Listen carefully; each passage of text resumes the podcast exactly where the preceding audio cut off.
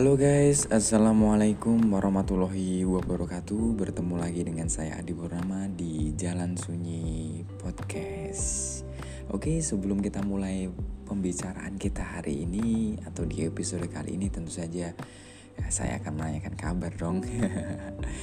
Ya gimana nih kabar dari Sobat Sunyi sekalian?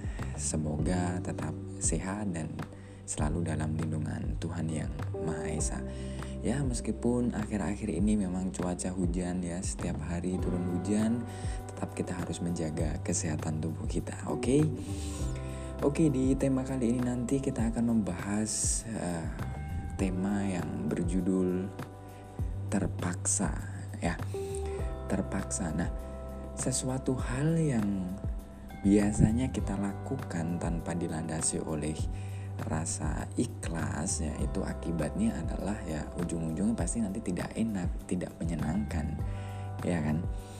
Ya mungkin dalam suatu keadaan atau waktu tertentu, konteks tertentu ya, orang itu entah merasa terpaksa ya mungkin aja ya melakukan sesuatu itu dan saya pikir bahwa keterpaksaan itu dilakukan karena mungkin saja ada kondisi-kondisi tertentu yang mengakibatkan orang itu terpaksa melakukan hal tersebut ya. Ya mungkin entah itu dalam kondisi seperti apa situasi seperti apa dan akhirnya keterpaksaan itu muncul.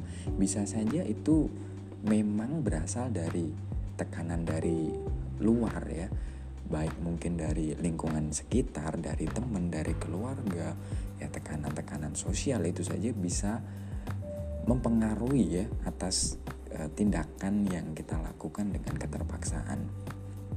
Nah, mungkin juga ya e, karena kita ingin melakukan sesuatu itu untuk menyenangkan orang lain, untuk memenuhi target-target orang lain, menyenangkan orang lain yang sebenarnya itu berada di luar dirinya ya atau di berada di luar kita yang kalau boleh kita bilang itu sebenarnya bertentangan dengan suara hati yang ada di dalam diri kita, suara hati nurani kita ya. Dan keadaan inilah yang akhirnya ya tidak enak, tidak nyaman karena balik lagi melakukan sesuatu secara terpaksa ya ujung-ujungnya pasti tidak enak. Nah, dan apa yang sudah kita hasilkan dari perilaku kita ini tadi itu kan ya dari sebuah keterpaksaan karena seperti yang sudah saya sampaikan yang ingin menyenangkan orang lain demi memenuhi memenuhi target-target orang lain yang sebenarnya itu bukan lahir dari dalam diri kita dan bertentangan dengan suara hati kita ya. Ya solusinya adalah ya seseorang atau kita sendiri butuh waktu sih untuk berpikir untuk menimbang ulang. Mungkin kita mengkalkulasi lagi kita melihat lagi secara lengkap secara komprehensif dan poin yang ingin saya uh, tekankan adalah ya kita harus bisa melihat dari banyak sisi ya tidak hanya dari satu sisi saja tapi harus kita lihat dari beberapa sisi. Dari uh, beberapa sudut pandang dari mungkin jarak pandang itu juga penting ya. Jarak pandang kemudian uh, sudut pandang sisi pandang lingkar pandang itu sebenarnya juga akan berpengaruh terhadap apa yang kita hasilkan nanti apa yang kita lakukan ini nanti. Nah mungkin sesuatu yang dilakukan secara terburu-buru, tergesa-gesa dan uh, balik lagi sih sebenarnya sebuah keputusan yang penting dan ja, dampaknya ya efek sampingnya itu dalam jangka panjang itu nggak bisa kita tentukan dengan tergesa-gesa atau terburu-buru bahkan dengan keterpaksaan itu lagi mungkin kata yang paling tepat adalah kita harus bisa menelaah sih ya segala sesuatu yang ingin kita lakukan sehingga kita menemukan yang namanya formula yang pas, formula yang tepat sehingga dalam melakukan sesuatu, dalam kita bertindak Nah itu tentu saja dengan kesadaran yang utuh ya nggak sih?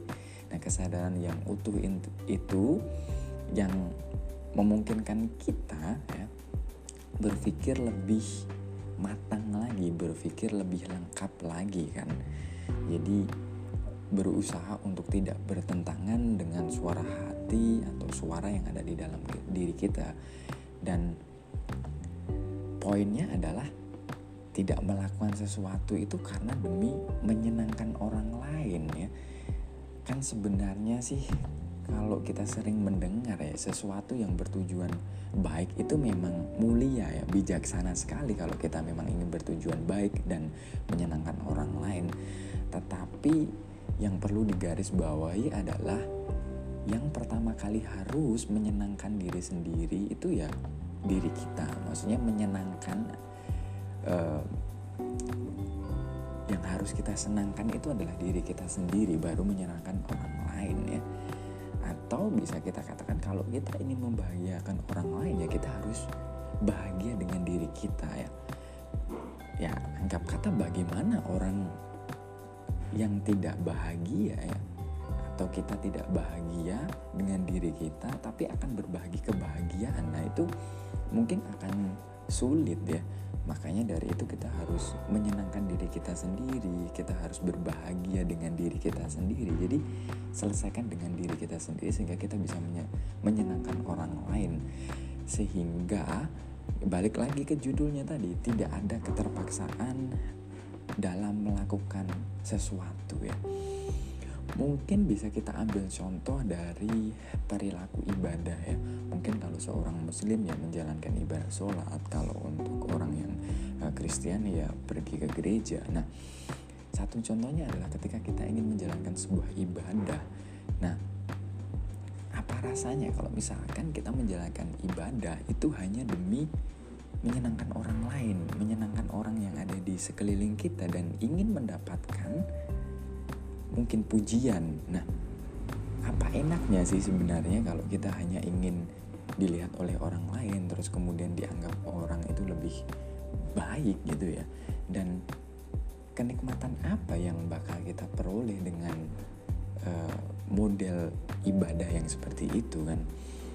ya tentu saja akan berbeda kalau misalkan itu memang datang dari dalam diri kita datang karena memang itu adalah keinginan dan juga kemauan dari dalam diri kita kesadaran dari dalam diri kita bahwa kita butuh untuk melakukan itu ya. Nah, kesimpulannya adalah kita harus menemukan formula yang tepat ya sehingga kita nanti melakukan segala sesuatu itu dengan kesadaran yang utuh. Kita bisa lihat dari berbagai sisi, kita bisa lihat dari berbagai sudut dan jarak ya. Jarak memandang itu juga penting ya. Dan balik lagi kita harus senang, kita harus bahagia dengan diri kita sehingga kita bisa berbagi kebahagiaan, kita bisa berbagi kesenangan terhadap orang-orang yang ada di sekeliling kita. Ya, semoga apa yang kita inginkan, apa yang kita butuhkan, apa yang kita uh, ingin capai, semoga terwujud dan segala sesuatu yang mau kita lakukan bisa kita landasi dengan keikhlasan tanpa dasar keterpaksaan. Mungkin itu aja dari saya di episode kali ini. Semoga bermanfaat, kurang lebihnya mohon maaf. Akhirul salam, wassalamualaikum warahmatullahi wabarakatuh. Ciao.